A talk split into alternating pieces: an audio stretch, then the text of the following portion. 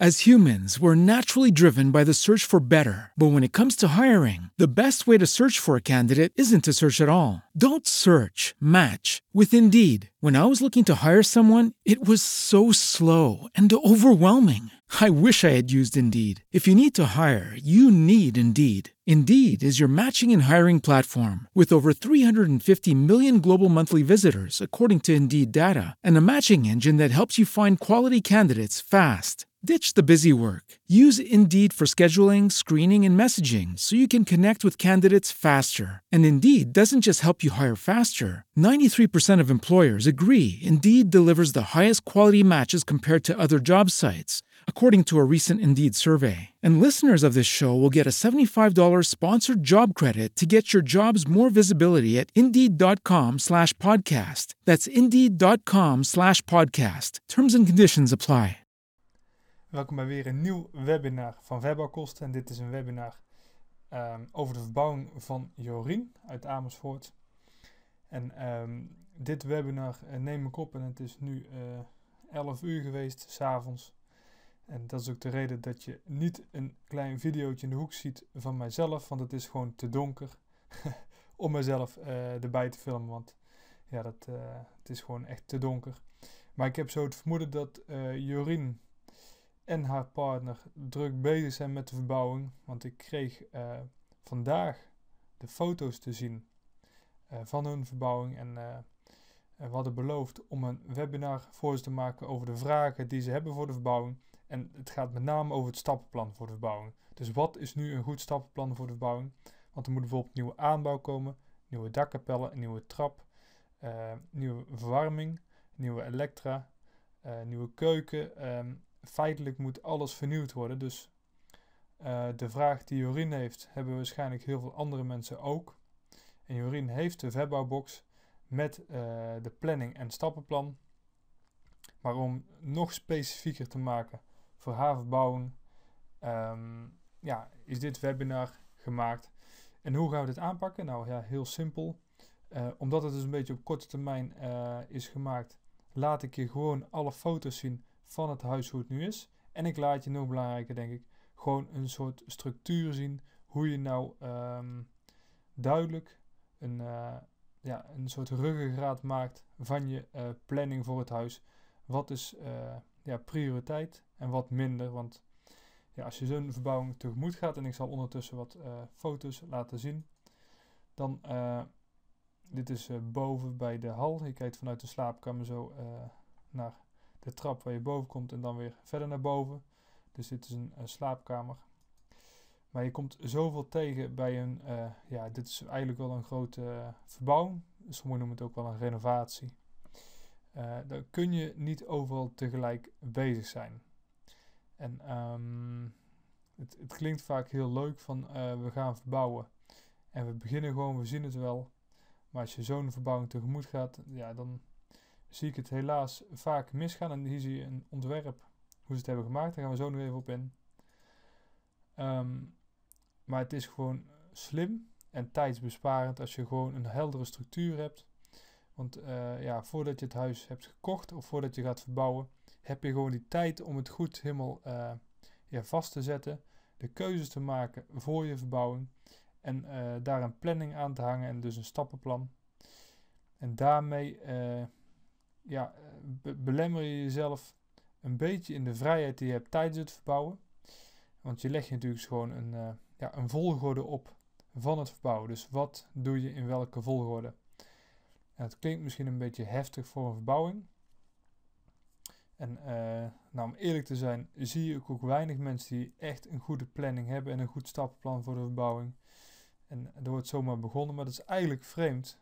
Want als je ziet bijvoorbeeld hoe mensen een uh, vakantie plannen, uh, soms wel van, uh, nou ja, van week tot week, of soms nog wel, ja, als ze echt een bijzondere vakantie hebben, van dag tot dag, weet je precies wat je wanneer gaat doen. Dan heb je het over een vakantie van 500.000 of een paar duizend euro.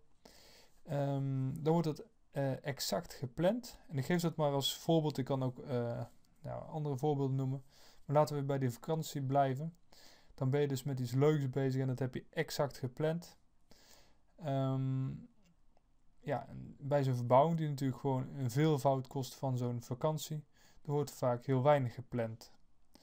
En uh, ja, dat zet mij al uh, aan het denken. En, al uh, heel wat jaren. En ik kom er nog steeds niet helemaal goed achter waarom een verbouwing zo onderschat wordt in het begin.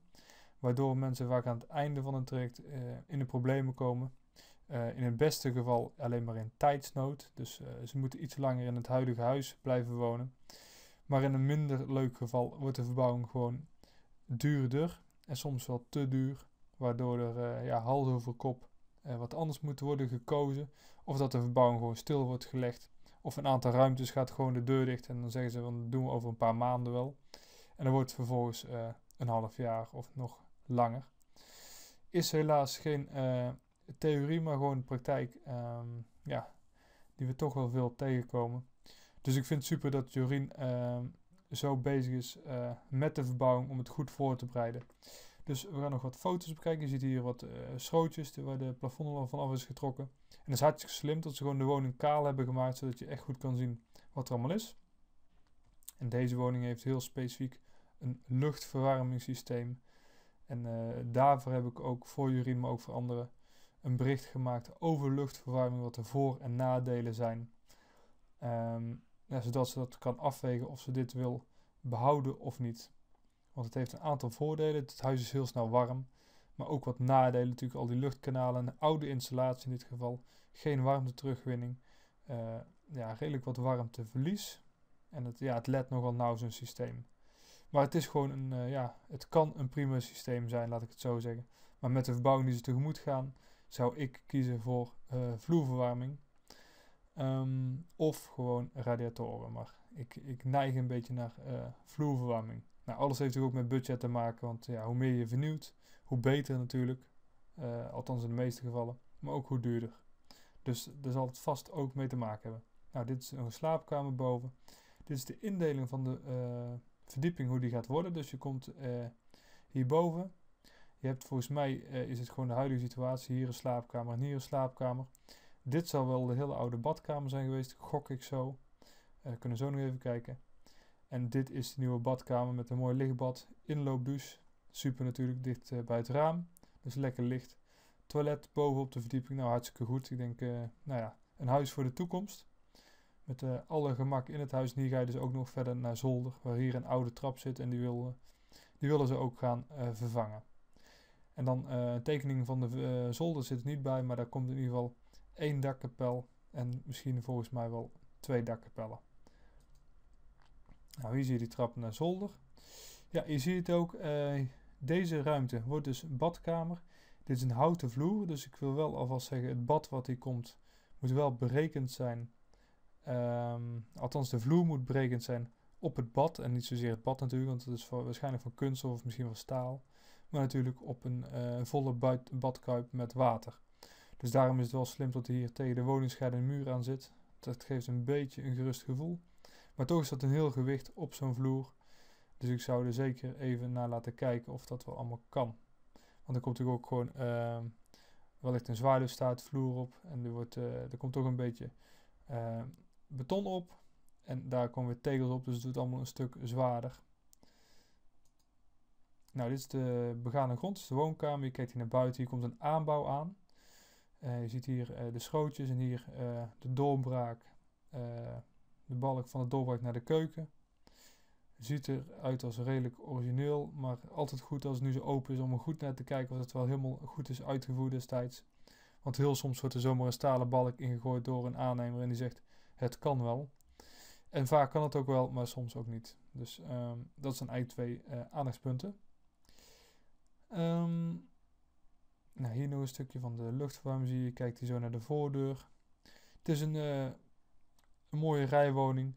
Uh, met een indeling zoals we natuurlijk heel vaak zien. Dus uh, denk een hele praktische, fijne indeling.